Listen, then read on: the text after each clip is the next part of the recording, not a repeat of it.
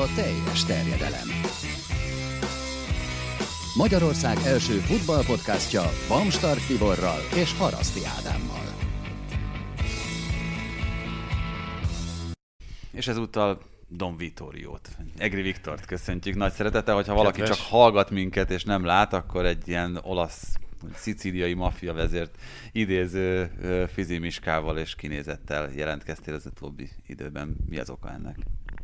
Remélem, hogy a keresztapáknál, vagy egy átlagos keresztapánál még fiatalabb vagyok, de az oka az elsősorban az, hogy a fiam elkezdte növeszteni a haját, és nekem volt egy ilyen régi vágyam egyébként, hogy egyszer majd megnövesszem, de mindig az volt, hogy hát képernyőn vagyok, ezért ezt én nem fogom bevállalni.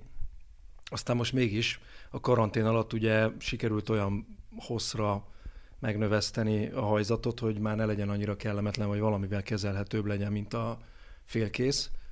És akkor a stylistokkal egyeztetve úgy döntöttünk, hogy akkor megpróbáljuk ezt a verziót.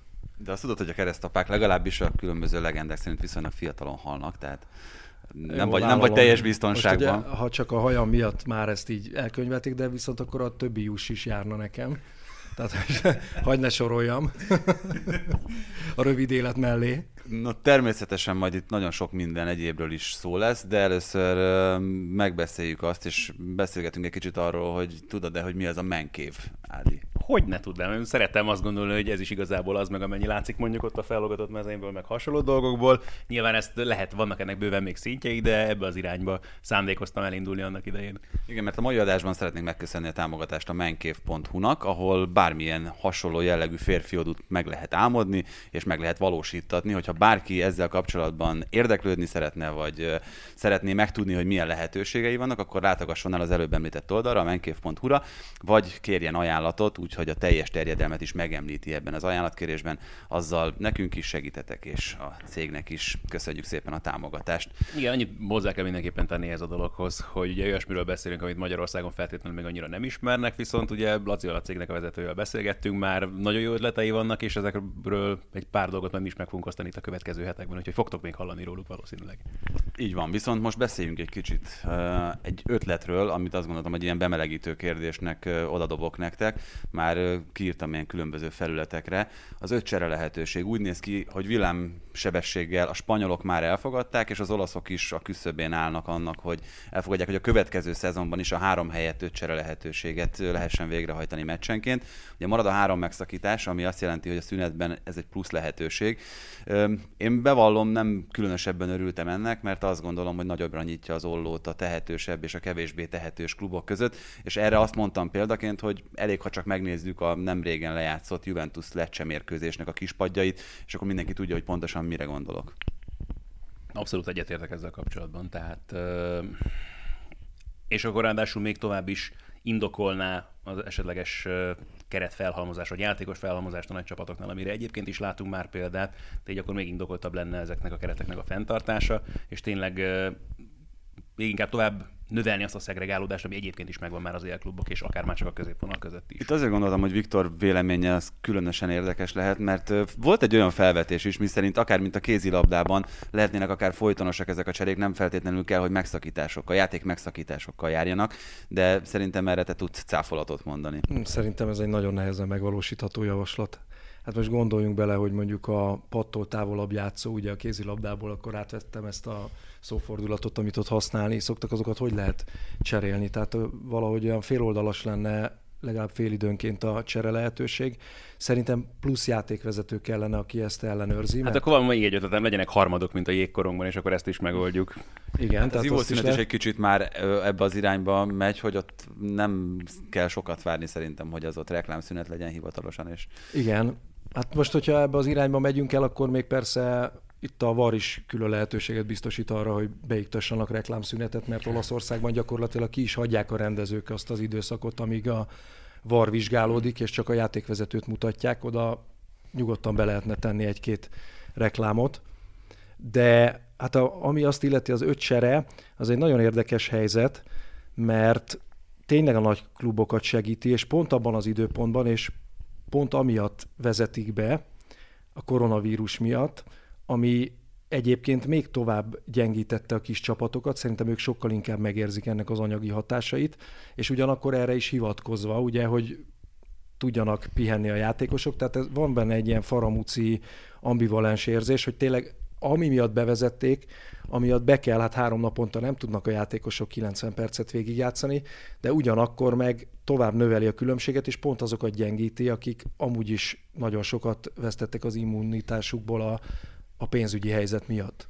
Igen, ezt azért nem akarom elengedni, mert itt érkezett pár olyan ellenérv, ami esetleg megvitatható lenne. A sérülés veszélye elsőként azt érdemes lenne leszögezni, hogy kisebb a sérülés veszély abban az esetben, hogyha mondjuk ötöt változtathatsz, mert értelemszerűen hosszú távon egy kicsit mindenkinek csökkenhet ezzel a játékideje, és ezáltal mondjuk elképzelhető, hogy felszabadulnak olyan energiák, amik egyébként lekötve veszélyt jelenthetnének a játékosra. A másik az, hogy több fiatal kap így bizonyítási lehetőséget, illetve, hogy esetleg több variációs lehetősége van az edzőknek. Én ezeket szedtem össze mondjuk a pozitív serpenyőbe, de ezek tudják ellensúlyozni azt, ami a negatív oldalon van. Szerintem fiatalokat akkor tennének be, amikor most is beteszik őket, ha már eldőlt a meccs. Tehát akit különben nem tennének be, azt szerintem akkor sem fogják, csak hogyha már végérvényesen, mint a három gól a különbség, akkor jöhet a fiatal. Ez az egyik. A másik pedig szerintem az edzők sokkal inkább élnének azzal a lehetőséggel a nagy csapatok részéről, hogy a sztárjaikat egy-egy fontosabb meccs előtti kis csapat elleni találkozón nem tennék be a kezdőbe, hanem azt mondanák, hogy akkor jó, nézzük meg, hogy mi lesz, és maximum a fél időben behozom. Szerintem a, a sztárok ilyen módon lehet, hogy kevesebbet lennének a pályán, ami szerintem anyagilag nem jó a futballnak, és nyilván a nézők nagy részének, akik ezek miatt a futbalisták miatt nézik elsősorban esetleg. Nézik, hogy Cristiano Ronaldo-nak például tegnap már rövid volt a haja, tehát ő ellenkező utat jár be, mint én. Vagy ilyesmi, azoknak nem kedvezne. Meg akarod magad különböztetni tőle. Hát, ez, ez, hát nem ez ő akarja tőlem. Hát látta, hogy növesztem, mond, na hát az egri növeszti. Hát levágom. Igen, ez, ez egy nagyon érdekes dolog, meg megint egy nagyon érdekes felvetés, amit, amit mondtál ezzel kapcsolatban. Na de akkor tényleg ez inkább csak egy ilyen bemelegítő jellegű téma volt. Beszéljünk itt a legfrissebb emlékről először. Emlékszel-e olyanra a Juventus életében, amióta nyeri folyamatosan a bajnoki címeket, ez ugye 2012 óta van, azóta nem volt legyőzője a Juventusnak, hogy hasonló lefagyást produkált mondjuk téthelyzetben, mert előfordultak olyanok, amikor ö, az Volt Inter egy Fiorentina ellen... elleni meccs, emlékszel, 2014-ben, ahol... Ott is fordítás volt. Ahol azt hiszem, hogy szintén 2-0-ra vezetett a Juventus, és onnan kapott ki. De meg volt, egy, volt egy, azt szerintem azt te közvetítetted azt az Inter elleni kupa visszavágót, ami 0-3. Így van. Jött, tehát én nekem az ugrott be, mint, mint hasonló, de azért nagyon-nagyon ritkán láthatunk ilyet, és hozzá kell tenni, hogy ott is a Juventus tovább jutott végül, Úgyhogy... Itt meg nem. De mondjuk lehet, hogy így is megnyeri a bajnokságot. Tehát ez egy nagyon furcsa helyzet. Ugye miután előtte játszották a Lecce és a főüldöző kikapott, ezért ez egy óriási esély volt. De már ott a szünetben a stúdióban is felvetődött ez, hogy ezzel a védelemmel szemben ugye milyen bátran támad le a Milán, mert ugye a Juventusnál delikt eltiltás miatt hiányzott, a balbekek nem voltak teljesen egészségesek, a jobb hátvéd az a Quadrado, aki eredetileg nem jobb hátvéd, tehát igazából csak Bonucci volt ott a védelemben, hogy egy ilyen ellen letámad a Milán, és hogy ebből nem lehet-e előbb-utóbb baj. Aztán elég volt egyetlen fegyelmezetlenség, vagy hiba Bonucci-tól, ugye 11-est kapott Hiba volt az? Tehát azért Rebic melkasán pattant meg a labda, hát az nagyon volt a hiba, közelről. hogy meg kellett volna előzni a csatárt. Tehát szerintem, amikor Rugáni játszik melletted, akinek nem tudom mióta nem volt meccse, de nagyon régen, és még itt a nagy rohanásban sem kapott, perceket sem szárítól, annyira nem bízik benne az edző. Most ő kezdő volt, tehát Bonucci-nak tudnia kell, hogy a saját feladatát nem száz, hanem száz nem szeretem ezt, amikor többet mondanak száznál, de nagyon száz százalékig kell. Száz százalékhoz konvergáló módon. végrehajtania, és szerintem ott ő lemaradt. És hát eleve ugye valószínűleg távol akarta Rebicset tartani a labdától, és őt szerette volna meglökni, csak egy fél méter tévedett, és ugye az üres levegőben kalimpált a karjával, és abban akadt el a labda.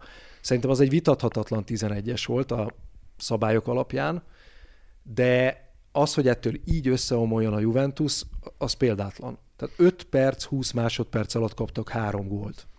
A Juventus omlott össze, vagy a Milán kapott egy olyan svungot ettől a belőtt 11-estől, ami az egyébként is viszonylag jó formában, meg lendületben játszó csapatnak azért... Hát ha megnézed Alexandrónak azt a passzát, amiből jött az utolsó gól, akkor inkább a Juventus összeomlását jelölném meg. Igen, de ott is, ott is, meg az összes szituációban, ott a következő 6-10 percben az volt az ember érzése, hogy a juventus ez sem megszokott egyáltalán, de hibára késztetik, hibára kényszerítik. Hát pont ez az, hogy letámadták ezt a védelmet, és nem tudtak kihozni a labdákat. Na most nyilván, hogyha az alapvédelem van, akkor ez könnyebben ment volna, de szerintem egy ennyire rutinos társaságnak kapcsolnia kellett volna, hogy most lehet, hogy baj lesz, inkább akkor rugdossuk fel a labdákat. Tehát nem volt olyan a pályán, aki ezt felmérte volna. csapatától nem fogod látni. Szerintem van, amikor látni kell. Hát mennyi olyan dolog történt ebben a szezonban már a Juventusszal, amit azt gondoltuk, hogy Szári csapataitól nem fogjuk látni, hogy volt olyan, hogy egyáltalán nem volt náluk a labda. Tehát, és ilyen is előfordult. Tehát én szerintem ezt fel kellett volna mérniük, de az volt a helyzet, hogy például pont abban a pillanatban, amikor ez a, ez a fordulat volt, akkor kiderült, hogy Quadrado például nem a térdén, hanem a forgóján jár, a, a medence csontján. Tehát ő már egyetlen akciónál, Milán akciónál nem ért vissza, és egyébként ő is azért, mert a sérülések miatt helyettesíthetetlen volt jobb poszton, és ugye nem csak bajnokikat játszott három naponként a Juventus, hanem előtte játszott két kupameccset is, tehát hogy sok minden összegyűlt egybe, ez a Milán ez pedig most jó paszban van, de mondjuk azért az első gólig ezt nem mondtuk volna. Tehát az, hogy... A... Nem, bár nem volt vállalhatatlan az első félidő. Hát az első félidő nem, de a második félidőben szerintem... Hát jó, az első, de jó, de hát mondjuk az, az, hogy a második félidőt úgy kezd egy csapat, hogy két perc után gólt kap, az mondjuk lélektanilag egy olyan... Tehát az, hogy Rábió 70 métert viszi ellened a labdát, és nincs egyetlen ember, aki ütközne vele. Ugye Teo Hernández mindig kiemelik, hogy ő belőle majd mekkora balhátvéd lesz, és szerintem soha nem lesz balhátvéd, tehát ő bal szélső, szerintem egy háromvédős rendszerben nagyon-nagyon jó balszélső, aki iszonyat jól tudja a támadásokat segíteni, de egyszerűen a védekezése nem tudja, hogy mikor kell faltolni, mikor nem szabad megkockáztatni cselt. Ő a támadásokban iszonyat nagy rizikóvállalással nagyon hatékonyan vesz részt. De ő neki például Rábiot le kellett volna ütköznie. Tehát olyan nincs, hogy elinduljon egy akció így, kapok egy bört, aztán hát majd mögöttem lesz, ami lesz. És szerintem például Ugye volt egy csere a szünetben, ez a Paketa Csálanoglu. Csálanoglu a támadásokat erőteljesebben tudja segíteni, viszont védekezésben teljesen súlytalan, míg Paketa lehetett látni az első fél időben is, hogy mit dolgozott, hogy Quadrado ne tudjon ott Teo Hernándezre kettő az egyben rámenni Bernardeszkivel. Na most Paketa már pont nem volt fent. Bernardeszki pont elég volt az első fél időben egyedül is a Milán védőknek, mert szerintem ott a szezon egyik legjobb első 20 percét hozta le igen, igen. Tehát ö, én szerintem ez is benne volt, na de a második gól, tehát arra nem lehet magyarázatot adni, hogy ha valaki ezt mondja bármikor a futballtörténelemben, hogy a Milánban lesz kettő olyan középső védő, aki így összemegy, és hagyja a labdát átrepülni, akkor, frissen, akkor így frissen, ilyen röhögőgörcsöt kapott frissen volna véglegesített Kier és Romagnoli, lehet, hogy a hosszú távon ez a terv, tehát hogy Igen. csak most itt a közelmúlt eseményeiből kiindul. Csodálkozom, hogy Mádin nem ment ki akkora stadionból egyébként. Hát igen, mondjuk ő azért, amikor a játszott, akkor ilyen nem nagyon fordulhatott volna elő.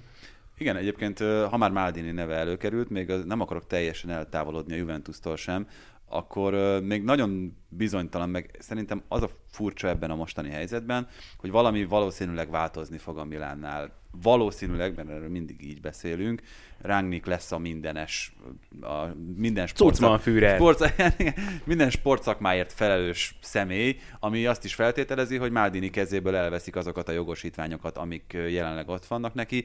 Hát pont erről beszéltünk, meg ezen gondolkoztam, hogy most az olasz kluboknál a technikai vezető az az, az aki a vonattársaságot hívja föl, hogy akkor melyik járattal utaznak a Bergámóba, vagy nem tudom hova a játékosok. Szokták mondani... Jó napot, Paolo Maldini vagyok. A menedzserekre is, hogy jó a notesze. A Maldininek is jó, az összes vasúti társaság benne van. Jó, de szóval az, azok, meg, meg egyébként szerintem ez a nagyköveti pozíció is, ez egy kicsit, kicsit méltatlan, tehát hogy ha nem valami sportszakmai feladatot kap, akkor nem biztos, Hát hogy... most így úgy fogják megalázni, hogy közben az a cél látszólag, hogy ne alázzák meg. Igen, de és az a, az a furcsa ebben az egész helyzetben, hogy van egy olyan, olyan szituáció, amiben most benne van a Milán, a jelenlegi játékosokkal, a jelenlegi vezetőkkel, tehát a jelenlegiekről nem szabad mondani semmit, és miután még nincs aláírt szerződés az újakkal, róluk sem szabad semmit mondani, úgyhogy mindenki csak találgathat itt ebben beleértve a szoboszlai transfert. Pont azt akartam, hogy igazából szerintem azért a legtöbb dologgal kapcsolatban még mi csak találgatunk, meg feltételezünk. Oké, okay, persze Rangnick azt mondta, hogy már pedig ő minden felett irányítást akar, de alapvetően azért nem hülye, ezt szerintem kijelenthetjük, és azért abban biztos vagyok benne, hogy tudja ki az a Paolo Maldini, tudja milyen szerepe van ennek a klubnak az életében, és azért szerintem azért meg fogják találni a módját annak, hogy tényleg ne kerüljön vállalhatatlan helyzetbe. Azért mondom, hogy nem látunk tisztán, de az azért valószínűnek tűnik, hogy Ivan Gazidis, hogyha dönteni kell, akkor lehet, hogy feláldozza Maldinit az új koncepció érdekében, nem? Na jó, csak szerintem a legnagyobb probléma ezzel nem az, hogy feláldoznak valakit, mert a Milán gyakorlatilag most már hosszú évek óta sorra áldozza fel az ikonjait. Hol edzői kinevezésekkel, ugye Inzaghi, Zédorf, Gattuso, és az, utána kapnak egy kis bizalmat, de amikor már úgy látod, hogy összeállna valami, akkor lapátra teszik őket, és most az a helyzet, hogy Detto ugyanilyen szituációban van a Milán, mert most látszik az, hogy mintha összeállna a csapat, és akkor történik majd megint egy koncepcióváltás. Tehát feláldozni fel lehet valaki, csak legyen egyszer értelme. Tehát ne lárpurlár fejezzék le az összes ikonjukat, hanem akkor fejezzenek le egyet, de utána történjen valami pozitívum. Hát igen, itt most már tényleg nagyon-nagyon sokadikról beszélünk, aki, Így van. akit, akit valamilyen cél érdekében beáldoznak, de az a cél az kiderül, hogy egy ilyen fél éves koncepció, vagy még annál is rövidebb, rosszabb esetben, tehát kettő vagy három Meglepődnék azért, hogyha Rangnick nem találna szerepet Maldininek ebben a következő, nem tudom, nevezük ezt koncepciónak, vagy Jó, koncepcióváltásnak. Itt nem az a kérdés, hogy uh, azt elfogadja Maldini, hogyha Rangnick diszponál fölötte, vagy az ő munkaköre fölött? Ez egy nagyon nagy kérdés, hogy ezt be lehet-e nyelni, tehát egy Paolo Maldini egy Milánnál ezt benyelheti-e. Azt kell végig gondolni, hogy Rangnick szemében hozhatnak egy olyan szakembert, és nem, vélet, nem véletlenül nem az edző kifejezést használom, aki ezért sok mindent letett az asztal, és ez a Lipcsei Project hát tökéletesen magáért beszél. Így van. De most azt látjuk, hogy Milánóban akármilyen jól is alakult mondjuk ez a tegnapi meccs, meg mondjuk látunk tényleg pozitív jeleket, azért orbitális kuplerája van. És azért nincs az az épeszű, normális edző szerintem jelen helyzetben, aki ebbe a kuplerájba szeretne beülni.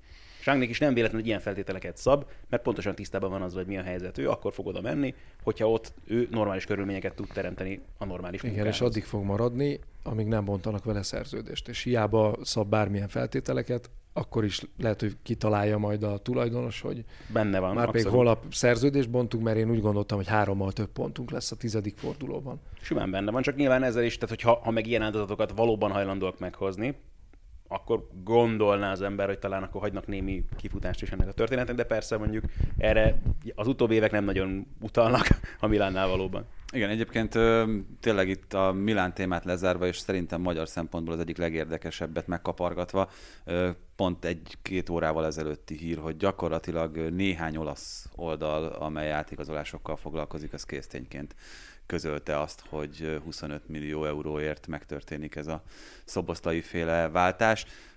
Ami én azt mondom, hogy szerintem is egyébként a legvalószínűbb jelen pillanatban az összes kérő közül. Mit szóltok? Ehhez? Pont most mondta ezt a Rázi Matyi, a Nemzeti Sportolóngyő Spanyolországból jött haza, úgyhogy ha csak nem ott tárgyaltak, akkor bár persze bármi más miatt is lehetett ott. Persze. Nem tudom, az biztos, hogy egy nyugodt környezet az nagyon sokat használhat egy fiatal labdarúgónak, és hogyha tudja, hogy mi vár rá. És ha mondjuk az vár rá, hogy sok játék lehetőséget kap. Szerintem egy nagyon rossz példa Szoboszlai előtt az, ami Lukász Peketával történt, aki hatalmas ígéretként ment oda, ő érte 30 millió eurót fizettek emlékeim szerint. Körülbelül egyébként hasonló mm, poszton bevethető, mint Szoboszlai, és aztán kapott egy-két meccsnyi esélyt, akkor jól is játszott, majd egyszer csak cserejátékos lett, és mondjuk olyan megalázó helyzetben van egyébként a csapatban, hogy a, szerintem a teljesítményénél lényegesen több bizalmat kapott Csálhánoglu minden helyzetben előtte van. Tehát tegnap is 45 perc után egyébként semmivel nem játszott rosszabbul, mint bárki más. Lecserélték Paketet, sőt adott egy gólpaszt, aminél mondjuk 30 centivel Ibrahimovic lesen volt, azért nem lett az. Volt. Nagyon nagy labdát, de lecserélik. És mi a garancia arra, hogy egy ilyen káoszba oda megy egy ilyen fiatal focista, és hogy az a koncepció nem fogy el, ami miatt odavitték, és hogy egyszer csak nem gondolja valaki ugyanúgy, mint Paketánál, hogy már pedig nekünk akkor most innentől Szuszó fog játszani, és nem te. Tehát én szerintem a Milán Megvan ezért nagyon nagy rizikó. Hát meg nyilván pont azzal, hogy a, hogy a Milán egy tradicionális nagy klub, ezért még hogyha mélyen van egy ilyen tradicionális nagy klub, akkor is sokkal nagyobb nyomás nehezedik egy ott játszóra, mint, mint, mint egy jól Persze. szereplő Atalanta. Tehát az Atalanta jobb csapat, mint a Milán. Most már mondhatjuk nyugodtan évek óta. De egy Atalanta játékosra mégsem nehezedik akkor a nyomás, mint egy Milán játékosra. És ugyanezt elmondhatjuk most a Leicester vagy az Arsenal viszonylatában Angliában, ahol az Arsenal most lent van, meg mélyen van, meg a Leicester az most előtte jár, de de mégis egy Leicester játékos élete könnyebb, mondom én, vagy gondolom én. Teljesen így van, és ugyanakkor viszont, tehát nagyobb a kockázat, viszont nagyobbat lehet nyerni. Tehát azt is hozzá kell tenni, hogyha Szoboszlai a Milánba megy, és a Milánban tudja megmutatni, hogy méltó volt arra, hogy elhozzák és megérte azt az összeget, akkor az nem csak neki, hanem az egész magyar labdarúgásnak sokkal jobbat tehet, mint hogyha Bergámóban lenne, amit tudom én, egy olyan játékos, akit megpróbálnak majd utána több pénzért eladni. Tehát én szerintem nyerni is többet lehet. Jó lenne, hogyha azt látnánk a Milánnál, hogy ott már tényleg kialakul egy stabil jövőkép, és abban megvan Szoboszlai pontos pozíciója. Hát jó lenne, nagyon szurkolunk neki, meg ezt mindig elmondjuk, hogy olyan jó egy magyar játékossal kapcsolatban ilyen híreket olvasni, amiket, amiket itt olvasunk. Ö, Kicsit rövidebbre fogva itt a Juventusos témát, csak tényleg egy kérdés, hogyha ott is strukturális dolgokról beszélünk, akkor lehet hallani arról, hogy vannak ott is ellenérdekeltségek Pavel Nedved és Andrea Agnelli között. Egyikük jobban kedveli Szári munkásságát, a másikuk kevésbé. Nyilván megvolt az oka annak, hogy miért akarták Szárit erre a pozícióra. Szerinted ö, az, hogy nem váltotta be, az egyértelmű, de beválthatja azokat az ígéreteket, amiket, amikkel ő kecsegtetett a kinevezésekor? Nem tudod, ugye a bajnokok ligáját megnyerheti a Juventus? Hát például. Meg. Tehát szerintem simán egy meccsen dől el a továbbjutás. És, és azt is el tudom képzelni, mondjuk, hogy a Ju- hogy a Juventus megnyeri a bajnokok ligáját, és kirúgják Szárit. És bajnok és bajnokok liga egyeztes? Igen. Az mondjuk Simán azért... ki tudom, simán ki tudom. Olyan volt már? Nem tudom. Tehát vagy rúgtak már ki bajnokok liga egyezteset? Azt gondolom, Heinkes, amikor elment, de hát akkor igen. az Igen, már le volt előtte Igen. Akkor, akkor bajnok is volt. Igen. Igen.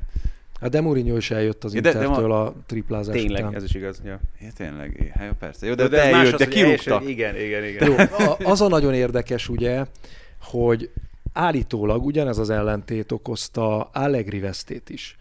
Tehát, hogy Agnelli szerette volna Allegrivel folytatni, és Nedved és a klikje nem akarta. Jó, de itt van egy gazdasági, meg egy sportszakmai oldal, úgyhogy azért Agnelli szeret beleszólni, meg belelátni olyan sportszakmai dolgokba is, amik nem feltétlenül az ő feladatai, tehát hogy ő szeret irányvonalat szabni ott is, amennyire tudjuk, így vagy ismerjük így kívülről. De itt azért nagyon nagy kérdés az, hogy bármelyik szempontból, tehát akár, akár gazdaság, tehát hogy mondjuk szexibb klub lette a Juventus Szárival, nem, szerintem, és Szakma... Ahogy rákcsálja a cigijét a meccs közben, az minden csak nem szexi. és, és szakmailag mondjuk lépette szintet a csapat. Mert szerintem ez a kettő kérdés, amit... Hát jó, de most mit lehet számon kérni Szárin? Tehát milyen játékost vett azért a Juventus, hogy a Szári féle futballt megvalósítsa? Azért Arthur. senki. Ki, hát most majd, de annak még nem tudjuk a végeredményét. Tehát igazából Szári a saját futballjához nem kapott senkit. Delichtet. Remzi, Rabiot. Egyébként Rábió Szári kompatibilis játékos lehetett volna. I- igen, de, én úgy érzem, hogy tehát lehetnek elvárások a Juventusnál, és látjuk, hogy vannak, mert ugye annyi ideje üldözik a bajnokok ligáját, hogy nyilván ez a feladat, azt kell egyszer megnyerni. Mellette ugye már az sem elég, Allegrinél az volt a baj, hogy nem elég szépen nyerték meg a bajnoki címeket. Nem És tudom. erre tehát most játszik még csúnyában a Juventus ebben a szezonban. Játszik még csúnyában, de ugyanakkor meg azt mondom, hogy a, a, amióta újra kezdődött a foci, azóta volt egy-kettő olyan meccs, ahol kifejezetten jól játszott a Juventus. Hát ilyen 20-30 perces 20-30 periódusokban. percek, de már a karantén előtt is az Inter elleni derbi Itáliának volt egy olyan fél ideje, ahol fantasztikusan jól fociztak. Az igazi Szári volt rengeteg passzal, és nagyon gyorsan járatva a labdát játszották. Az egy másik kérdés, hogyha megörökölsz egy Cristiano Ronaldot, akkor mi van? Mert én szerintem ő egy olyan futbalista, akivel nem követheted a saját elveidet. Tehát ő lehet látni, hogyha Szári éppen beszél hozzá az oldalvonalnál, akkor milyen pofákat vág. Én szerintem nagyon nehéz lehet ezt a helyzetet kezelni. Szári biztosan nem vitte volna oda a Juventushoz, hogy együtt dolgozzon Cristiano Ronaldot. Tehát végül is ki lehet rugni az edzőt, jöhet egy újabb edző, ki lehet próbálni azt is, hogy úgy lesz-e valami. Ronaldo még egy, egy évvel idősebb lesz. Szerintem nem fogja könnyebben belátni, hogy már lehet, hogy nem azt kéne csinálni, amit csinál, mert ugye most ebből is volt már konfliktus, hogy ő nem, nem volt center, mert Iguain sérült volt, és Ronaldo nem akart középen játszani, mert ő a bal oldalon szeret játszani, és ezért ugye Dybala játszott hamis 9-est, holott Ronaldónak az alkata és egy csomó képessége megvan ahhoz, hogy center legyen. Lehet, hogy nem lehet annyira villogni, hogy csak gólt lehet szerezni, nem lehet biciklicseleket csinálni, egyébként egyre sutában és lassabban, de de ő lett volna alkalmas, hát Dybálát nem tudjuk elképzelni centernek, és félig meddig kényszerből alakult ki ez a hamis 9-essel játék most Szárinál. Tehát hát kényszerpályán van. Oké, okay, de közben meg egyébként Dybala élete formáját futja ebben a hamis 9-es szerepben. Így van, mert ez kiderült, hogy ez neki jó. Egyébként szerintem lehetett sejteni, hogyha mélységből lehet indulni, megvan a terület, meg a tempó, akkor azért ő nem lesz rossz.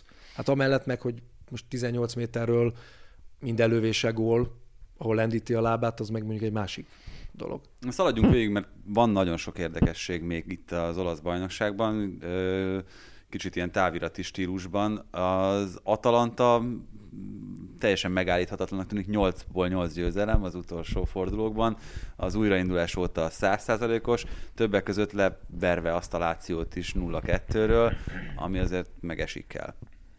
Ugye jövő héten a Juventusszal játszik az Atalanta. Ha most is nyerne ebben a fordulóban, és a következőben megveri a Juvét, akkor 6 pontra lenne az ebráktól. Pedig ezt kigondolta volna, hogy az Atal- én azt mondtam az Atalantáról, bocsánat, egyszer kérdeztek, hogy, hogy lehet-e bajnok a jövőben az Atalanta, és azt mondom, hogy ilyen védekezéssel nem létezik, hogy egy csapat bajnokságot nyerjen, mert hogy az hosszú távon kijön, hogy... Hát kivétel, hogy... ha ilyen a támadó szekció.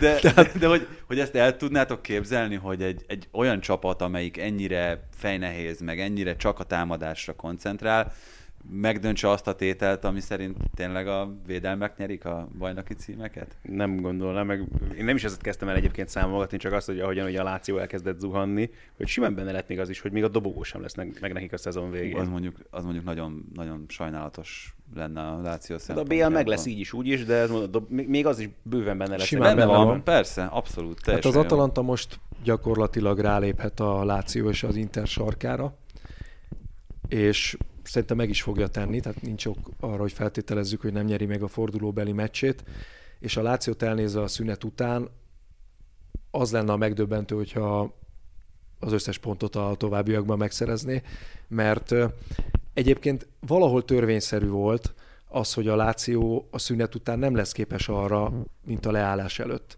Mert hogyha egy csapat ennyire erőn fölül képes teljesíteni, mint hogy a Láció szerintem végig a bajnokságban úgy teljesített, és abban jön egy törés, nem lehet végigvinni a folyamatot. De tényleg olyan meccseik voltak, amiket simán el kellett volna veszíteniük, és mégis megnyertek. Hát a Kájári elleni például. Igen, de hát az Atalanta elleni ez. első meccsük is a Stádió Olimpikóban az olyan volt, hogy 3-0-ra vezetett az Atalanta a szünetben, és onnan lett 3-3, úgyhogy volt kettő elég kétséges 11-es, amit kapott a Láció, de hogy minden úgy jött nekik, hogy ahogy nem jöhet, tehát olyan nincs, hogy iszonyat nagy paszban vagy, életed formájában leállsz, és majd utána is rögtön abban leszel. És most ugyanúgy szenved a Láció, vagy még jobban szenved, de most már nem jönnek azok a picik. És ebből adódnak a problémák, és elbizonytalanodott a csapat, mentálisan szerintem nagyon komoly gondok vannak, hát a tegnapi meccsen az, hogy Acerbi, a védelem abszolút legjobbja, és szerintem Olaszország egyik legjobb védője, teljesen megálljon egy szögletnél, és hagyja, hogy ellépjenek mellette, és ugye ebből jött a, a Lecsének a vezetőgója a második félidőben, hogy hogy egy csapatnak, amelyik dobogós akar lenni Olaszországban, három belső védővel játszik, és nincsen csere belső védője, mert Luis Felipe kiesett, és az a Patrik, aki helyette játszik, Harap. Hát egyrészt közrőhely, másrészt most ugye harapott is, tehát egy harapás miatt kiállították. Hát Bastosról nem akarnék beszélni, aki szintén beszállhatna középső védőnek, tehát annyira gyenge ez a keret, hogy, hogy lehetett tudni, hogy ha bármi pici malőr van, akkor ők, ők ott összezuhannak. Igen, meg ilyen, hogy olyan, tehát ilyen leszteres csodákat, mert ott se volt sokkal több játékos a Rányérinek, amikor bajnokok lettek, de mondjuk az lehet, volt 14-15, de hogy azt még jóval könnyebb megcsinálni akkor, hogyha tényleg csak hetente mondjuk játszol egy meccset, és csak a bajnokságra koncentrálsz. Meg hát amikor... lendületből mész, megvan van, a ritmusod, van, abszolút. nem kell közben megállni. De most volt egyszer egy megállás, másrészt meg tényleg ugye három-négy naponta játszanak a csapatok meccseket, és ez főleg akkor, hogyha egy csapatnak ennyire nincsen kerete, egyértelműen Így kijön, van. pláne, hogyha még az ellenfelőt is cserélhet.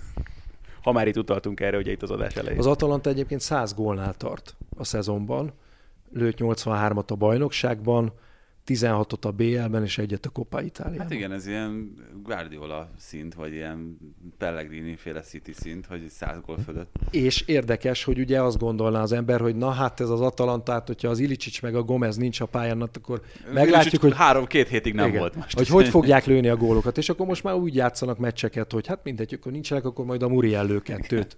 Tehát most Igen.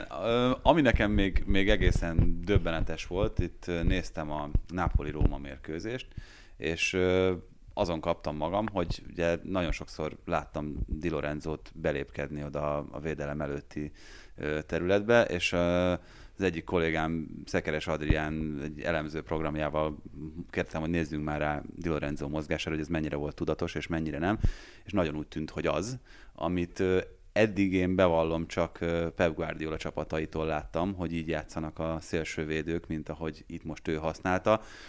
Ekkora innovátor? Az a Gattuso, aki, akiről... Di Lorenzo ugye most játszott középsővédőt is azért. Hát Di a Lorenzo egészen hihetetlen. Játszott jobboldali középpályást, jobb hátvédet, bal hátvédet és belső védőt.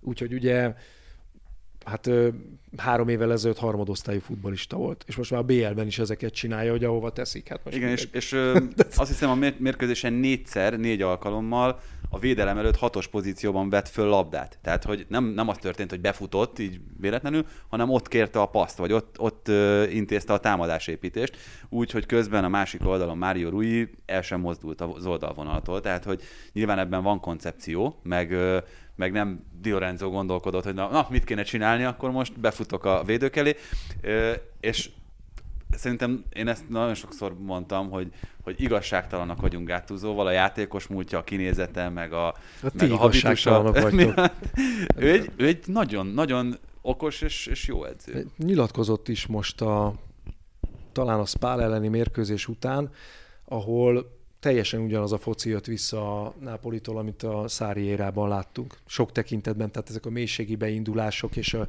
keresztbe a védelem mögé ívelt labdák Kájéhonnak, Inszínyének. Tehát annyira jól fociztak, hogy Ancelotti alatt szerintem egyszer sem. És akkor utána beszélt erről, hogy ugye játékosként ő állandóan üldözte a labdát, és azt gondolta, hogy majd ő többet fog futni, mint a labda, és az a jó megoldás. De hogy ugye akkor is szembesült vele, hogy vannak olyan csapatok, amik így elpasszolják előle, és akkor rohangál. És hogy edzőként más a filozófiája, tehát amikor mi azt gondoljuk, hogy Gáttúzot a játékos pályafutása alapján kell edzőként értékelnünk, akkor ez egy tévedés. De egyébként azért értékelhetjük a játékos pályafutás alapján, mert én azt mondom, hogy a, a, korszaknak minimum, de egyébként mondjuk futball történelmi szinten is kiemelkedő két alakról beszélünk. A két legintelligensebb középpályás között játszott, ugye Zédorfra és Pilóra gondolok, akiket azért láthattunk abban az időszakban. Tehát ha mástól nem, akkor tőlük a támadásépítésben el Várjál, várjál. Lehet, hogy Gattuso volt a legintelligensebb, csak ő nem mutatta ki. Intelligensen Elrejt, elrejtette. elrejtette egész pályafutása során az intelligenciáját. Nagyon okos. Jó, lehet, hogy az volt az intelligenciája, hogy ismerte a képességeit, és tudta, hogy ő hogy tud a legtöbbet hozzátenni. Tehát ő neki kár lett volna mondjuk 30 méteres szabadrugásokra vállalkoznia, mint Pirlo, vagy hátul megpróbálni pont a védelem előtt leforogni az ellenfél letámadó játékosairól a labdát, mint Pirlo, vagy Zédorf módjára elől egy-két sellel megbontani a védelmet, és pontos kiugratásokat adni. Tehát ez nem az felmérte, hogy neki ütköznie kell. Hát miközben tényleg nagyon jó edzőkkel, nagyon jó csapatokban, nagyon jó szerkezetekben dolgozott, tehát hogy azért onnan is hozott valamit, és az szerintem ebből az előbb, és azért is emeltem ki ezt a taktikai húzást, ebből is látszik, hogy ő, ő képzi magát, meg egy elég világos víziója van a futballról, amit játszhatni szeretne. Csak azt mondtam, hogy, hogy ismerve őt, meg a pályafutását, azért nem biztos, hogy nagy tétben érdemes lett volna fogadni játékos korában arra, hogy ő egy támadást kiválóan felépítő edző lesz majd akkor, amikor, amikor Igen, pont ezt akartam mondani, hogy oké, okay, tehát hogy ő tök jó edzők alatt dolgozott, de azért egy másik korszakban, és főleg az utóbbi négy évben azért látjuk, hogy mekkorát lép elő, előre a labdarúgás, és hogy milyen új dolgok jönnek be, milyen újításokat húznak meg edzők, és egész egyszerűen ezzel nyilvánvalóan tartani kell a lépést, és amikor arról beszélünk, hogy ott van például az az Ancelotti, aki meg ugye azzal a Milánnal, amiben Gattuso még játszott, ugye nyerte a BL-eket, mit tudott csinálni ezzel a Napolival, és most mit csinál Gattuso menni, lépni kell előre, haladni kell, akkor az teljesen egyértelmű, és nyilvánvalóan egy fiatalabb, motiváltabb edzőnek, akinek azért úgy tűnik, hogy tényleg mégis csak van valami a fejében, nyilvánvalóan egyszerűbb is ezt megtenni. Meg hát a pedagógia. Tehát Ancelottinak állandó gondjai voltak az öltözőben. Hát Ancelottinak gondjai voltak a hangadókkal. Insigne. Tehát nem, nem, azért voltak gondjai az öltözőben, mert volt egy-két személyes ellentéte szerintem. Olyanokkal, akikkel nem kellett volna, hogy Igen, de ugyanakkor legyen. például Gattuso mer olyanokat nyilatkozni meccsek után, ugye amikor kikaptak az előző fordulóban az Atalantától, akkor pont arról beszélt, hogy ez elfogadhatatlan, amilyen attitűddel a játékosai futballoztak ezen a mérkőzésen. Az, hogy a játékvezető elviszi az energiát, azt nem lehet megengedni, olyan dolgokat mondott, és egyébként lehetett érezni, hogy ez részben Insigne-nek van címezve, és Insigne nem felháborodott ezen, hanem azt mondta, hogy milyen jó Gattusoval együtt dolgozni. Tehát, hogy valahogy meg tudja szólítani, lehet, hogy egyébként azért, mert hogy ugyanúgy, ahogy amikor Ancelotti a Milánnál nagyon eredményes volt, most itt Gattuso esetében sokkal kisebb a korkülönbség, és még érti az öltözőben a játékosok nyelvét, és tudja, hogy hogy kell azt a kritikát elmondani, de valamiért ezt ő tudja kezelni, és élvezik a focit alatt. Tehát Kájéhon évek óta, legalább másfél éve, de inkább kettő éve borzalmas formában volt, és lubickol ebben, ami most történik. És hát Gattuso amellett persze, igen, hogy, hogy nyilván akkor pedagógiailag ért hozzá, meg tudja valósítani azt, hogy egy olyan csapatnál, amelyik egyértelműen a keretét tekintve fejnehéz, mert a Napoli az, sokkal több jó támadója van, mint jó védője, az hát, tényleg tud támadni Papí- alatta. Papíron nem feltétlenül, de, de tehát forma alapján, meg az idei hát abszolút, teljesítmény hát alapján igen. Rengeteg, hát legalább hat olyan csatára van, akit kezdethetne. És meg tudja találni az arányokat, nincs senki, aki panaszkodna. Mertens megdöntötte a Napolinál a gólrekordot, és mégsem sír, amikor Milik kezd. Kájéhon kimarad, akkor sem. Insigne hajlandó hátra menni védekezni, hát mondjuk nem tanult meg ettől még védekezni, de hátra megy. Na, és hogyha a Napolival nagyon jól ki tudunk indulni itt az Európai Kupa szereplés irányába, mert azért most már nagyon vészesen közelegnek azok a bajnokok ligája mérkőzések. A Napoli például azok közé tartozik, amelyiknek még van restanciája itt a nyolcad döntőket illetően is. Lehet esély itt a Barcelona ellen? Most jelenállás szerint? Úgy, hogy már itt közben figyeljük fél szemmel a Barcelonát is, hogy Szerintem lehet. Helyzet? Lenni abszolút lehet figyelve főleg, hogy a Barcelonánál mi a helyzet az utóbbi hetekben, még akkor is, hogyha azért szerintem azt is alaposan túl dramatizálják maguknak a katalánok, de ők már csak ilyenek, úgyhogy ez meg aztán abszolút segített a Napolinak szerintem. Nem lehet tudni, egyébként most nagyon sok mindent nem lehet amúgy se tudni, hogy melyik csapatra mi milyen hatással van, de az, hogy a Barcelona, bár most már nagyobb a különbség, de még mindig üldözi a bajnoki címet, a Napoli gyakorlatilag nem üldöz semmit. Tehát csak a BR-re készülhet, hogy ez mit vált ki, hogy a Napoli fog-e attól leülni, hogy nincsenek igazi tétmeccsei, vagy a Barcelonát fogja felőrölni azt, hogy még mindig próbálkozik és sikertelen. Hát jó, de és akkor mit mondjon egy Paris Saint-Germain, meg egy hát Lipcse, igen, meg az, egy az Bayern egy másik meg... kérdés, Tehát, persze. A, a, a, ez abból a szempontból lesz egy nagyon-nagyon érdekes, hogy nem nagyon fogsz tudni kettő olyan csapatot, mondani, abból a megmaradt, most nem tudom kiszámolni, hogy mennyi, mennyi maradt, 12? Sok. Vagy 8-nál több, 16-nál kevesebb. 12, köszi. szóval nem tudsz mondani a 12 csapatból kettőt, amelyik ugyanolyan feltételekkel tudna készülni erre a bajnokok ligája tornára, vagy nem tudom minek nevezzük. Már csak azért sem, mert ugye beszéltünk a Bayern Münchenről, beszéltünk a Lipcséről, akik ha, ugyanakkor hagyták abba a, a küzdelmeket, meg beszélhetünk itt majd az Atalantáról, meg a, meg a Juventusról, meg a Napoliról, de pont azért, mert, mert teljesen más célok, célokért küzdenek ők a bajnokságban is, azért más formában, más mentális állapotban lesznek ezek a játékosok. És ugyanez a helyzet itt a Barcelona és a Real Madrid viszonylatában is. Most ugye ott tartunk, hogy gyakorlatilag az egymás elleni eredmény miatt a Real Madridnak két győzelem, két döntetlen elegendő a hátralévő négy fordulóban ahhoz, hogy, hogy meglegyen a bajnoki cím. Ami Hát én azt gondolom, hogy azok után, ami itt a leállásig történt, vagy még mondjuk, hogyha visszább megyünk ilyen december környékére, egy elég komoly arculcsapás a, katalán csapatnak. És mondtad, hogy ők szeretik azért kicsit a saját sírjukat is ásni, de úgy néz ki, hogy ott elég komoly ásócsapásokat tettek.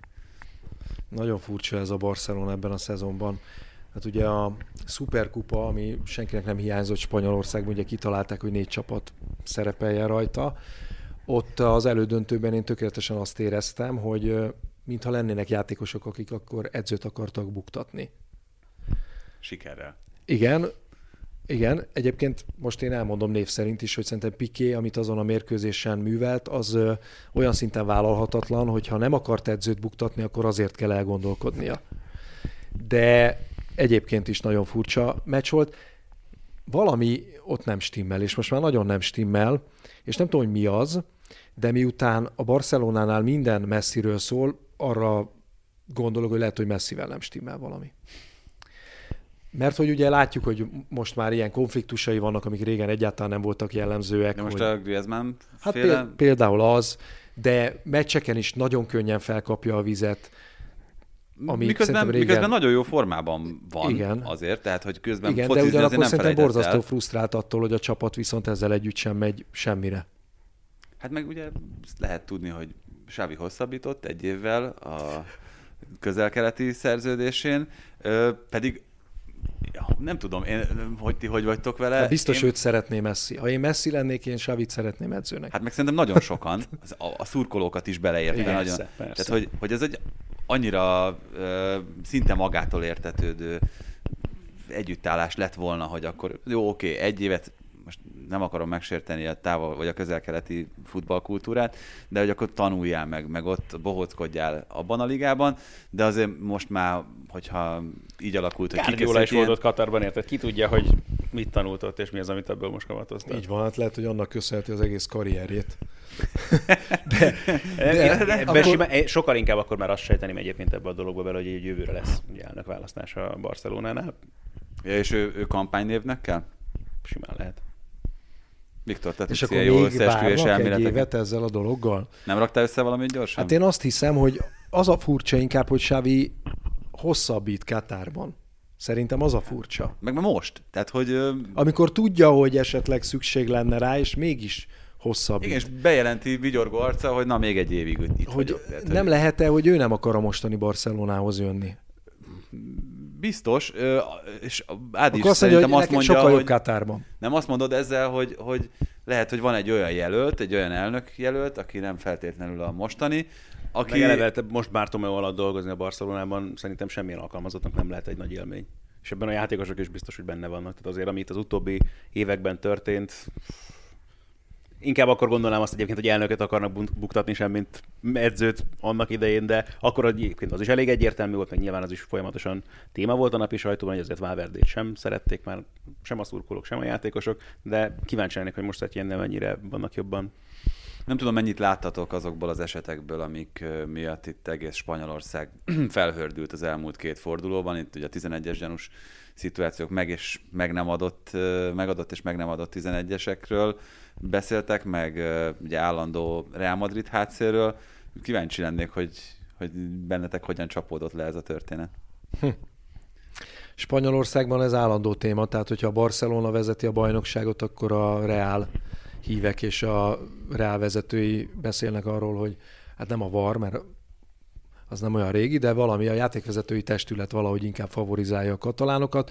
Ha fordította a helyzet, akkor meg ez van, ami most van hogy ugye Piqué is nyilatkozik, meg a Barca elnöke is nyilatkozik, hogy hát itt ilyen furcsa dolgok történnek. Egyébként tényleg történnek. De hogy ez tendencia-e, én szerintem inkább az van, hogy a Barcelona a saját furcsa eseteivel nem él. A Real Madrid meg a saját furcsa eseteivel él. Én is azt gondolom, hogy itt a visszatérés óta Real Madrid meggyőzőbb. Itt amiről most legutóbb szó volt, ugye ez a Ramos mozdulatért 11-es kellett volna adni, háttal rálépett a Azt kell. Raúl Garciának. Én azt mondom, hogy azt, azt Ez kell. szabálytalan. Ez, Nem volt a labda a közelben, meg, meg hát, tehát, hogy én, én azt mondom, hogy azt el tudom fogadni azt a döntést, hogy, hogy azért nem adtak büntetőt, és nem gondolom, vagy nem kiáltok emiatt csalást. Jaj, nem, hát csalásnak én se gondolom. Tehát, hogy, Tehát- hogy, hogy koncepciót látni abban, hogy most jó, valaki... de az meg teljesen független attól, hogy a két csapat hol áll a táblázaton, egy ilyen szituban egyértelmű, hogy a másik csalás fog kiáltani. Igen. Tehát, hogy Jó, csak tehát, hogy, hogy ekkora hullámokat verez, mert tehát Csak én a hátrányban vagy akkor Hát még inkább. Ebből él a teljes spanyol sportsajtó, meg ezért van nem tudom hány sportnapilap érted náluk. Igen, de láttuk egyébként koncepciót egyáltalán játékvezetés mögött? Tehát, hogy Hát te azért látsz általában De, koncepciókat hát, a játék... tegnap, tegnap a Lecce Láció mérkőzésen 17 perc volt a két fél időben összesen a ráadás. Annyit állt var miatt a, hát mondjuk a második fél idei 10 perc az nem tudom miért volt, tehát az más kérdés, az valószínűleg azért, hogy a Láció hát ha egyenlít, Igen. de, de nem hát, jött össze. Hát, hát, ha sikerül olyan- hosszúra Igen, igen. egy meccset megrendezni, hogy a 2 a 15 perccel később kezdődőbe is belejognak, mert Szerintem akkor egyszer- szóltak, szóltak már ezt kell, figyelj, a 10 sok lesz, 9 félnél lefújta. Igen. Mert figyelj, valószínűleg a Sky-tól kiszóltak, hogy hát figyelj, már kezdődik mindjárt a Milán Juve, most mi lesz? Tényleg olyan, olyan érzése volt az embernek, mint hogy valami rekordkísérletet Igen, látna, igen. Hogy, hogy hát ha egyszer tudunk mit, De- De, 100, 135 perces De hogy nem, meccset nem játszani. erre értem, hanem hogy, hogy itt van nekünk ez a var, és biztos nagyon sokat beszéltetek már itt, meg tudom, hogy beszéltetek, de hogy, hogy hát ez egy vicc. Tehát, hogy ugyanazt a helyzetet két meccsen teljesen máshogy ítélik meg. És még meg is tudják magyarázni. Jó, Tehát a Viktor, legjobb, hogy ez még az- magyarázat is van rá. De még, még, nekem még ezzel se lenne problémám, hogyha egyrészt ez nem tartana tényleg izé 10 percig, meg hogyha tényleg, tehát egy, ezt már egy párszor elmondtam ezzel kapcsolatban, ott van egy ugyanolyan szakképzett játékvezető, ül abban a szobában és látja és meg tudja nézni a helyeket. Ezek után kihív valakit, aki tényleg stadionról stadionra változik, hogy egyáltalán milyen körülmények között tudja megnézni azt a felvételt, és hogy miért nem tudja azt mondani az a bíró, hogy figyelj, nem jó, ez a helyes ítélet. Oké, okay, rendben, legyen két fő játékvezető egy meccsnek, és akkor ezeket a dolgokat mind ki lehet így húzni a fenébe. Igen. Akkor is lesznek visszásságok, ne legyen kétségünk felőle, mert látjuk, Persze. hogy De másrészt meg az lenne a minimum, hogy halljad a tévé közvetítésben, hogy a játékvezetők milyen helyzetről beszélnek, és milyen indokokat hoznak fel a döntés mellett. Nem látom azt a pillanatot még, amikor ezt engedélyezni fogják, hogy a, hogy a közönség is Hát nem tudom, 2300 körül valószínű, de addig biztos, hogy lesz még egy-két csavar ebben a történetben. De tényleg vicces, amikor kimegy a bíró, és hogyha olyan napsütéses meccs van, akkor van, hogy így, így kell Ja. ja. szemellenzőt képeznie a, a kezéből, hogy lássa egyáltalán a monitort, és utána mondja meg, hogy ja, hát igen, igazad van. És közben olyanokat látunk, hogy a, ugye a Láció 11-es, amikor Caicedo a Fiorentina ellen kapussal való ütközés előtt már gyakorlatilag a földön feküdt.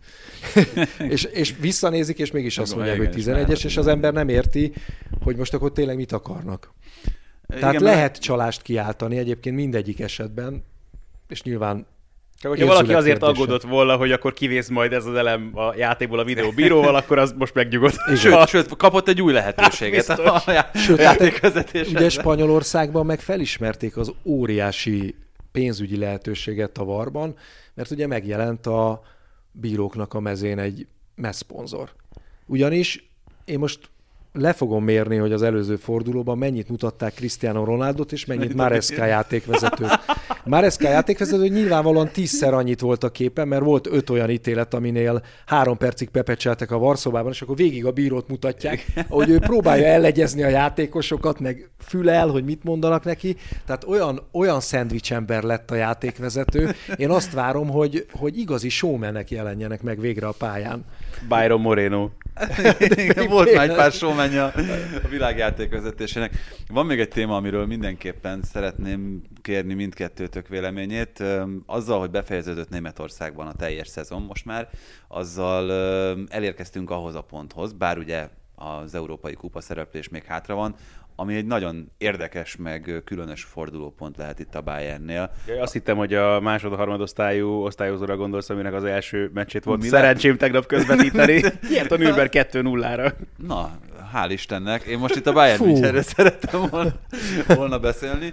Ugye véget ért a Hönes korszak, ami egy roppant sikeres és egy olyan üzleti modellt állított a többi klub elé is példaként, és nem csak Németországban, hanem itt egész Európáról beszélve, ami abszolút követendő. Meg történt egy szakmai szempontból vett generációváltás is, aminek én bevallom, ha egy évvel ezelőtt beszélgetünk, akkor soha nem jut eszembe, hogy mondjuk a frontembere Hansi Flick lesz.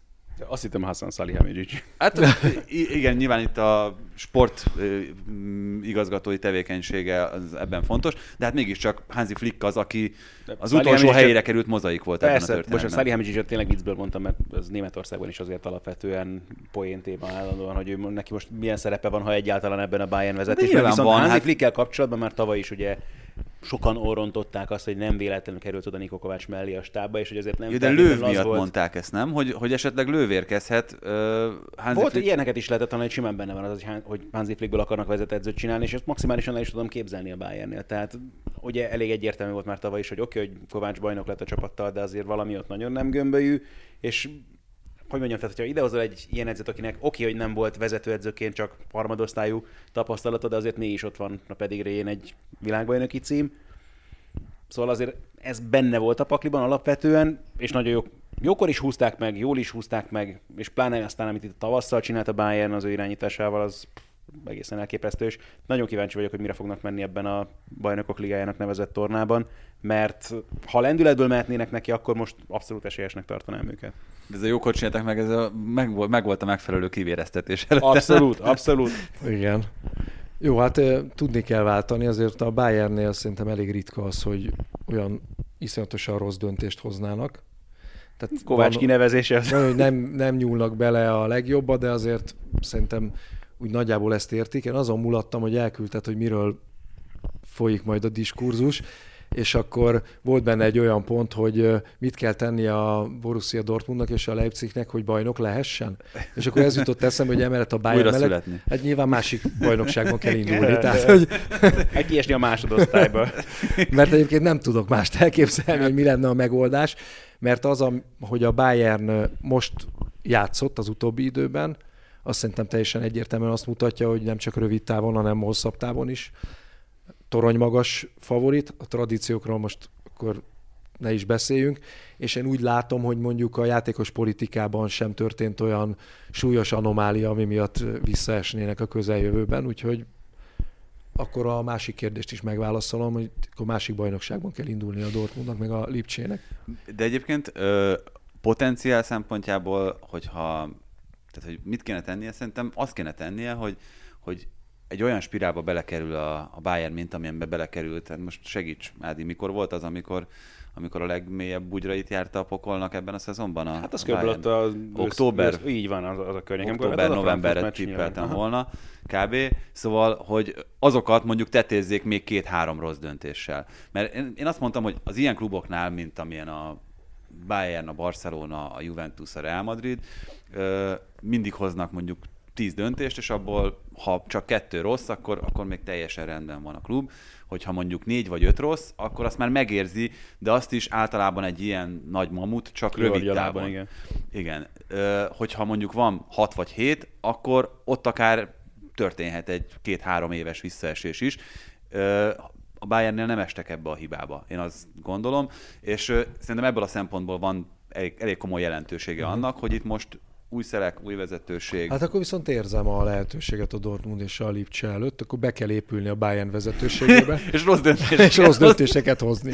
Hát, hogy akkor Jó, de tehát azért láttunk, meg láttatok már jó néhány olyan nagy klubot, amelyik ö, szinte ilyen megdönthetetlennek vélt erőtként esett el, annak köszönhetően, hogy mondjuk tényleg egymás után döntött rosszakat, akár átigazolások terén, akár mondjuk itt a szakmai stáb kiválasztásának a terén, vagy mondjuk gazdasági szempontból. Azt is hozzá kell tenni, hogy azért a Bayern vezetésében megvan az a fajta könyörtelenség, amihez szükség van ahhoz, hogy ilyen döntéseket is meghozzá. Például Már inkább arroganciának nevezném. Hmm, lehet abszolút, de ez, ez sokszor fel szokott merülni az ilyen csapatoknál, meg az ilyen sportolóknál is, de abszolút erre például a Kovács elküldése is teljesen egyértelműen szükség volt.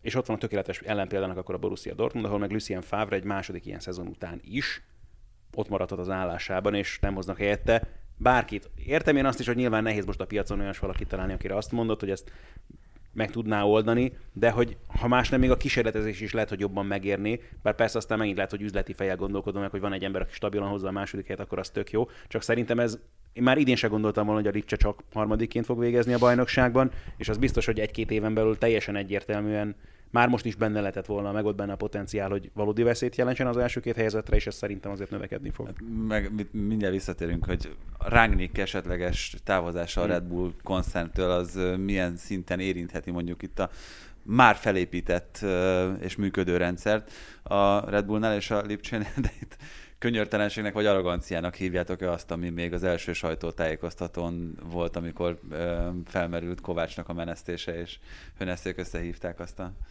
ezt a sajtótájékoztatót. Hát, szerintem, az, kicsit, az kicsit vicces volt.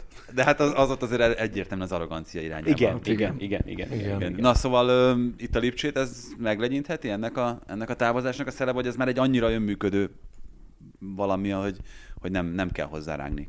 Hm. Ez egy nagyon érdekes kérdés, és ez nyilván most fog kiderülni a következő szezonban. Szerintem még nem is biztos, hogy most.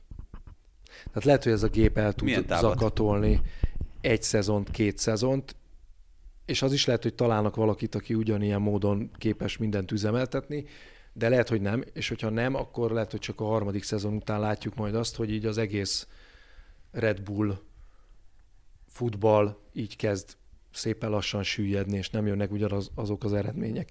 De az is lehet, hogy mi túlértékeljük Rangnicknak a szerepét kívülről, és hogy ott másfajta olyan üzleti ö, gondolkodású emberek is benne vannak a nagy Red Bullnak a, a fejesei közül, akik ezt igazából kézben tartják, és csak kell egy kis segítség nekik, egy sportbeli komoly rálátás, és, és egy az átlagosnál jobb szervezőkészség, tehát ezt nem tudjuk jelen pillanatban, de szerintem ez nem is fog rögtön kiderülni. Tehát most, hogyha a harmadik fordulóban még úgy áll az Salzburg is, meg a Lipcse is, hogy nem nyert bajnokit, az nem azért van, mert Rangnick elment. Ez természetesen így van, csak ö, szerintem nagyon sok olyan példát látni, és itt akkor megint lehet hozni az Intert meg a Juventus-t, és ott is időnek kellett eltelnie, amíg sedik a Juventus egy kicsit, és elmárottásodik az Inter, és ez most már szerintem ez a folyamat ez megfigyelhető mind a kettő nagy klubnál, és szerintem ebben a tárgykörben a, a legjobb ö, példa az a Liverpool,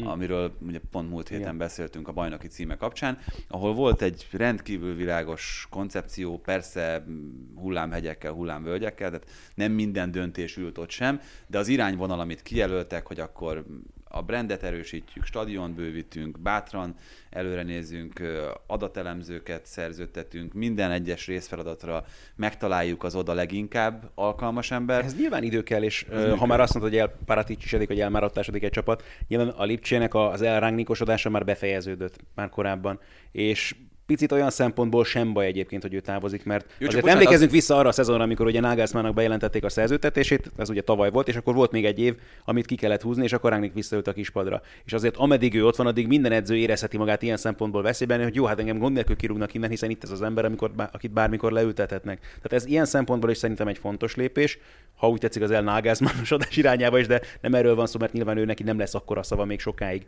Lipcsőben, mint amikor a Rangnicknak volt. De Rangnicknak az volt az alapvető feladat, amikor ez az egész projekt elindult, hogy kultúrát építsen a kultúrán belül. És ez szerintem most már be, abszolút befejeződött, és picit lehet, hogy új lépéseket is kell már tenni a Lipcsinek. Az biztos, hogy egy olyan irányba, ahol ha úgy tetszik, ezt a fajta könyörtelenséget is át tudják venni, mert egy picit én ezt éreztem ezen a szezonon, hogy ez hiányzott, ahogyan itt most tavasszal egy-két embertől megváltak, és egy picit megváltozott a keret, és nem volt meg a lendület aztán a szezon végéig. Szerintem meg lehetett volna, jó mondjuk a Bayernnek a teljesítményét látva most már azért ezt kétkedve mondom, de azért mégiscsak az első helyről kezdte ezt a tavaszt a Lipcse, tehát benne volt a pakliban, hogy megnyerhetik ezt a bajnokságot, és azért uh, ahogyan összedőlt a csapat, az talán túlzás, de azért jelentősen visszaesett a teljesítményük, szóval ez az, ami szerintem a következő lépés lehet, hogy valóban ezt, ezt kell átvennie valahol ennek a csapatnak, vagy ennek a klubnak. Hát jó, csak nincsen sehol megírva, hogy aki érkezik, az majd mindent ugyanúgy fog gondolni, mint ahogyan... De erre mondom azt, hogy ránk a kultúrát kellett a... és én szerintem belülről fog kikerülni, tehát nem kívülről fognak idehozni most valakit, hogy vegye át ezt. Hát az, az Juventusnál is belülről került ki, és nagyon más a gondolkodása. Paratici, a Juventusnál azt Oké, okay, az egy másik, de mondod, a Red Bullnál van Ez eleve egy nagy... Döntés üzleti kultúra. Még nem, szerintem azt sem lehet még megítélni. Ott is, ott is egy folyamat közepén járunk szerintem. Aztán... Na, tehát a Red Bullnál ugye tényleg egy akkora cégcsoportról beszélünk, és látjuk annyi példáját a sportban is a szerepvállalásoknak, és látjuk, hogy ahogyan működnek ezek a dolgok. És erre mondtam, hogy kultúrát kellett építeni Rángniknak a kultúrán belül. Megvan már szerintem az a kultúra aleve a cégen belül is, és most már eleve itt a futball projekten belül is, ami szerintem ki kell, hogy tudja termelni azt az embert, aki ezt át tudja venni.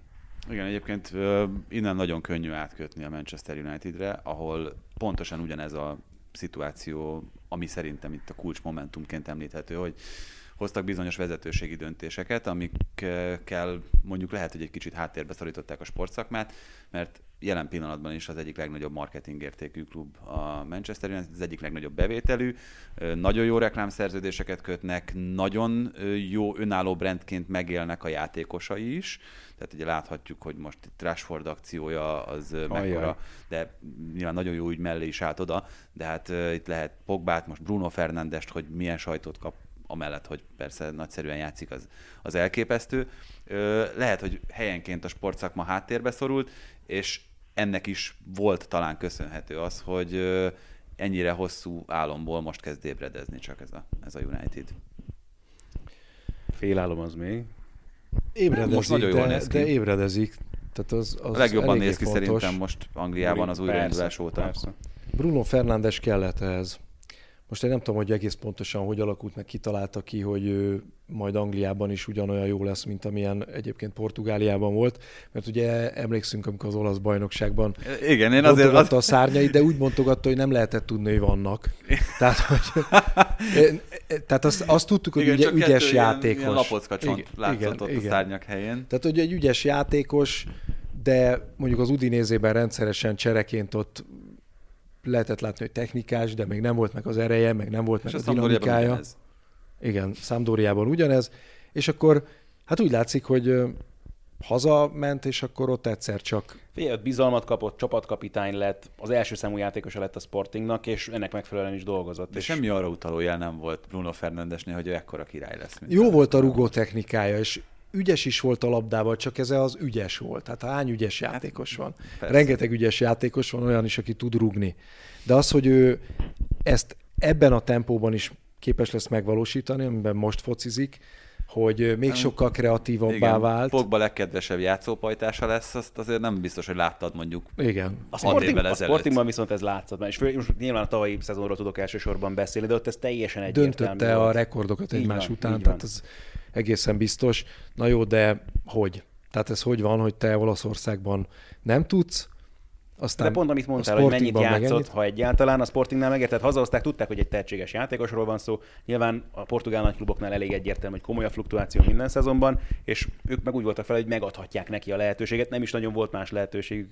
Ő meg, ahogy megkapta, élt vele, és a Sportingnak nem volt választás, persze. ezért bízott Bruno Fernandesben. hát meg, amellett, hogy gyűlölöm ezeket a sztereotípiákat itt a bajnokságokkal kapcsolatban, de az Olaszországban azért mégiscsak megvan, hogy az edzők nagyon szeretik körülbelül centiméterre behatárolni, hogy egy játékos hol mozoghat, hol veheti át a labdát, mit csinálhat vele, és Igen. nem biztos, de el tudom képzelni, hogy a Sportingnál nem feltétlenül volt ez elvárás Bruno Fernandessel szemben, hogy akkor már pedig amikor labdát veszítünk, akkor te idemész, amikor megkapjuk, és a jobb hátvét hozza fel, akkor te pontosan itt állsz, és ö, egész egyszerűen azt azért tudjuk, hogy vannak olyan focisták, akiket ez ez megbékjóz, és vannak olyanok, akik kimondottan élvezik, hogy elmagyarázzák nekik, hogy Tudják, hogy mi a feladat, nem kell kitalálni, az is jó.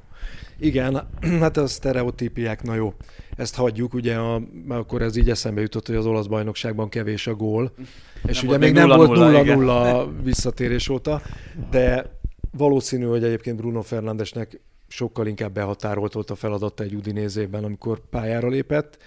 Ugyanakkor... Az Udinéze önmagában egy behatárolt igen, csapat. De, de akkor megint nem tévedtek, mert az Udinéze viszont arról is híres, vagy inkább azt mondom, hogy híres volt, hogy iszonyatosan jó játékosokat talált meg fiatalon, akikről senki nem gondolta most, hogy Handanovic, Alexis Sánchez, ezek szerint Bruno Fernández is ezek közé tartozik, akkor jól érzékelték, csak nem tudták kihozni belőle a maximumot. Quadrado is ugyanez volt egyébként. Quadrado, Quadrado nagyon rosszul nézett még ki az Udinézében szerintem, és aztán utána kiderült róla, hogy egyáltalán nem rossz futbalista.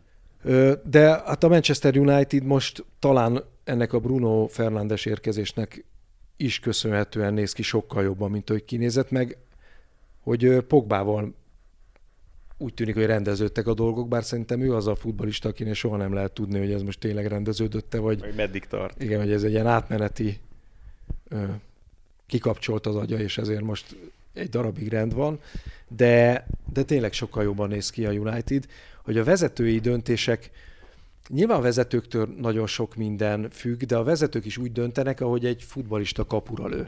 Egy jó futbalista kapura lő, és hogyha éppen olyan paszban van, akkor, akkor abból mondjuk nagy valószínűséggel gól lesz. De lehet, hogy nem. És lehet, hogy nincs jó paszban. A vezetősége is ugyanígy van, hogy hoz egy döntést, és nem lehet tudni, hogy az jó lesz-e. Ha jó vezető, komoly intellektussal, meg rálátással, akkor nagy valószínűséggel jól fog dönteni, de ő is mellé nyúlhat. Cristiano Ronaldo lőhet 42 szabadrugást rosszul, zsinórban. Tehát, hogy, és... Nem azt hittem, arra, arra fogod kifuttatni ezt a dolgot, hogy igen, és legközelebb majd eldönti, hogy abból a pozícióból lőjön-e. Igen, amikor, igen, igen. Amikor, hogy, amikor ott van. Persze, az egy másik kérdés, hogy a jó vezető is tanul abból, hogy éppen a döntése mit hozott, de szerintem a Manchester Unitednál, amikor Mourinho-t odavitték, akkor is azt gondolták, hogy jól döntenek, aztán kiderült, hogy nem. Szerintem, amikor Szulsát oda vitték, akkor azt hitték, hogy jól döntenek, de lehet, hogy pár hónap múlva már azt gondolták, hogy nagyon rosszul döntöttünk, de most még nem döntünk mást, és most meg úgy tűnik, hogy mégiscsak jó volt.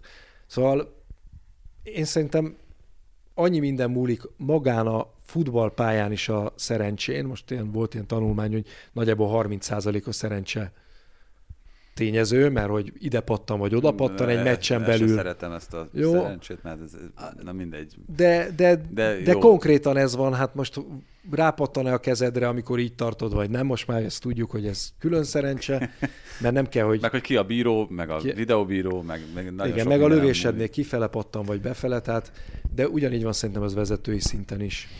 Hát, és most úgy igen. néz ki, hogy a Manchester elindult egy új irányba. Igen. Még, még egyetlen dologról szeretnék beszélni, ez a másik Manchesteri csapat. Itt néhány adással ezelőtt azt mondtam, hogy nálam azért a Manchester City a legesélyesebb a bajnokok ligájában. A kereterősségét nézve, meg azt, hogy hogyan jönnek ki a meccsek addig. Ugye a Citynek addig folyamatosan vannak meccsei, de ezek csak ilyen fékezett habzású, meg kevésbé tét meccsek nem tudom, hogy láttátok-e, vagy láttatok-e belőle valamit. Minden idők egyik legviccesebb mérkőzését játszott a City a Southampton ellen. 26 kapura lövéssel, és kikapott ugye egy nullára, egy majdnem középpályáról átemelt góllal Che Adams szerezte azt a találatot. Hát, tehát, hogyha már szerencséről beszélt, ilyen nincs. Ilyen, azon a meccsen, amikor a, a Manchester City a Watfordot megverte 8-0-ra, akkor 25-ször lőtt kapura, most 26-szor.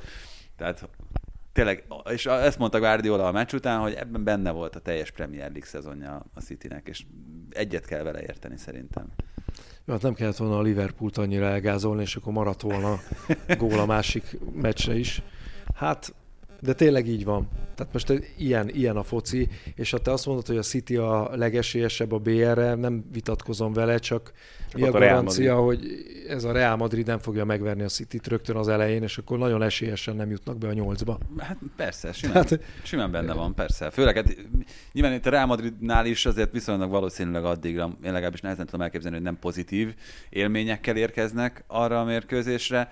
Ö, ami, amiben szerintem mondjuk a, a Manchester City jobban áll, mint, mint az összes többi csapat, az pontosan ez, hogy ha mondjuk az FA Kupa döntőbe bejut, aminek azért szerintem bőven van esélye, az Arsenállal játszik majd az elődöntőben, és augusztus 1 játsza az FA Kupa döntőt, majd most azt nem tudom, hogy még nincsen beosztás, hogy 7-én vagy 8-án rendezik-e az ő meccsüket, az ő 8 döntőjüket, az, az egy, nekem egy ilyen tökéletesnek tűnő ritmus. Abszolút, abszolút. Csak a kérdés az, hogy Guardiola is, hogy ezt akkor így fogja felmérni. Az a Soto meccs is mondhatna azt az emberrel, hogy valószínűleg igen egyébként, és hogy erre fog erre állni, hogy oké, okay, legyen meg a ritmus, úgy érkezzünk oda, hogy tényleg formában vagyunk, azzal foglalkozunk, mert ők is, ahogyan a Napoliról is mondta, hogy most akkor a bajnoksággal mit foglalkozzanak már, a Citynek is abszolút nincsen most már veszíteni valója. Hát meg a játék az nagyon, tehát itt a Southampton elleni meccs is azt mondta, hogy a játék a nagyon megvan a Manchester Citynek. Ezzel pont nem szabad most foglalkozni, hogy tényleg legyen mindenki formában, ne csak 11 játékos, hanem tényleg szépen ossza be az erejüket, és akkor úgy érnek oda, hogy se sérültek ne legyenek, tényleg mindenki legyen éles és rá tudnak menni, akkor abszolút megvan az, amit mondasz, és abszolút egyet is értek vele. Igen, még azt nem tudjuk, és szerintem ez kulcs kérdés lehet, hogy Aguero-t valahogy össze tudják-e toldozni, foltozni addig, mert ha nem, akkor az azért pár, nem is olyan kevés százalékot levesz a, a City esélyeiből. Gabriel Jesus is egészen kiváló csatár, nem Viktor? Jó játékos, csak nem a Cityben kéne fociznia. Így sem, hogy most első számú? Nem. Szerintem nem. Miért? Mert én azt látom ebben a játékban, hogy a kvalitásaiból sokkal kevesebbet tud megmutatni. Ahogy a, mondjuk a brazil válogatottban akkor játszott jól a Copa Amerikán, amikor nem középen játszott. Múltkor csináltunk róla egy, az egyik műsorban egy összehasonlító táblázatot Agueroval, és gyakorlatilag minden mutatóban jobb Aguero-nál, több labdát szerez. Csak a XG-hez képest a belőtt góljainak a száma. Az XG is magasabb, magasabb mint, csak mint Aguero-nak, csak kevesebb a helyzeteit, hát, igen. Az az egyetlen, amiben, amiben botrányosan elmarad Aguero, de abban elképesztő módon. Csak hát ez érdekes egyébként, hogy ahogy amennyi helyzetet teremt, amennyi passzol mondjuk, amennyi labdát szerez. Szerintem ő nem center. Tehát én ezt, ezt mondtam, hogy ő nem befejező csatár. De ő tízes vagy szélső? Szerintem szélső, tehát ő, ő amikor a Palmeirasba felkerült, akkor is azt játszott. Az utánpótlás válogatottakban is szélen játszott, főleg a jobb szélen, de volt, amikor a bal szélen. És a válogatottban ugyan főleg centert játszott, de most a Copa Amerikán, amikor a legjobb volt, és ott a, az elődöntőben és a döntőben is ő volt a mezőny legjobbja, akkor szélsőt játszott. És szerintem ez a posztja. Az más kérdés, hogy a Palmeiras meg a brazil klubok, hogyha azt akarják, hogy valakit nagy pénzért vegyenek, meg akkor azt beteszik középre, hogy sok gólt lövessenek vele. És akkor lehet, hogy akkor a City azt hitte, hogy egy centert vesz, mert hogy azon a... Igen, ez a faramúzi helyzet, hogy ő biztos, hogy centernek vették, mert a többi posztra meg annyira tele vannak, hogy... Igen, igen, igen ott, ott Bár mondjuk most, hogy Zanét eladták, lehet, hogy akkor ott majd felszabadul egy slot, és akkor... Mondjuk szerintem befejezésben lehet sokat javulni, tehát hogyha ő abban előre tud lépni, mert hogy mondjuk Én a... Szerencsé, hogy már ez meg Sterling borzalmas formában Ott sokkal rossz formában lévő játékos. De hogy ugye azért a válogatottban is, ha jól tudom, akkor most a legújabb korszakban abban több gólt szerzett, mint Neymar, tehát az utolsó másfél-két évben a, a nemzeti csapatban. Úgyhogy a gólokkal sem áll olyan nagyon rosszul, de eleve én szerintem a brazil futbalistáknak nem fekszik az angol foci és aki közvetlenül Brazíliából jön Angliába, ott a legjobbak is egy csomószor megbuknak. Hát nem tudom, én szerintem Firmino az egyik legjobb. Na jó, de tehát, hát okay. Firmino nem brazil. Igen, tehát hogy nem a brazilos focit hát, játsz az egészen igen. biztos. Tehát, hogy jó, a, igen. nagyon fiatal. Egy védekező center nem, nem tartozik a, a brazil labdarúgás alapértékei közé. Ezt már hallottam valaki. Nagyon fiatalon másodosztályú csapatból szerződtette a Hoffenheim. Nyilván ő félig német futbalista, és szerintem ez így lehet, hogy jót tesz neki a Klopp szisztémában. Na, szerintem ez nagyszerű is volt záró mondatnak. Köszönjük szépen, Viktor, hogy eljöttél hozzánk, nem elmész máskor is. akkor, amikor ö, beszélgetünk, akkor már biztos legközelebb, akkor már tudunk pár olyan dolgot, amit most még csak itt kapargattunk mert rövidesen befejeződik mindenhol az idény. Sorsolnak is majd ugye pénteken. Bizony, úgyhogy jövő héten is lesz miről majd beszélni. Köszönjük, hogy most meghallgattatok. Sziasztok! Sziasztok! Sziasztok! Ez volt a teljes terjedelem. Magyarország első futballpodcastja Bamstart Tiborral és Haraszti Ádámmal.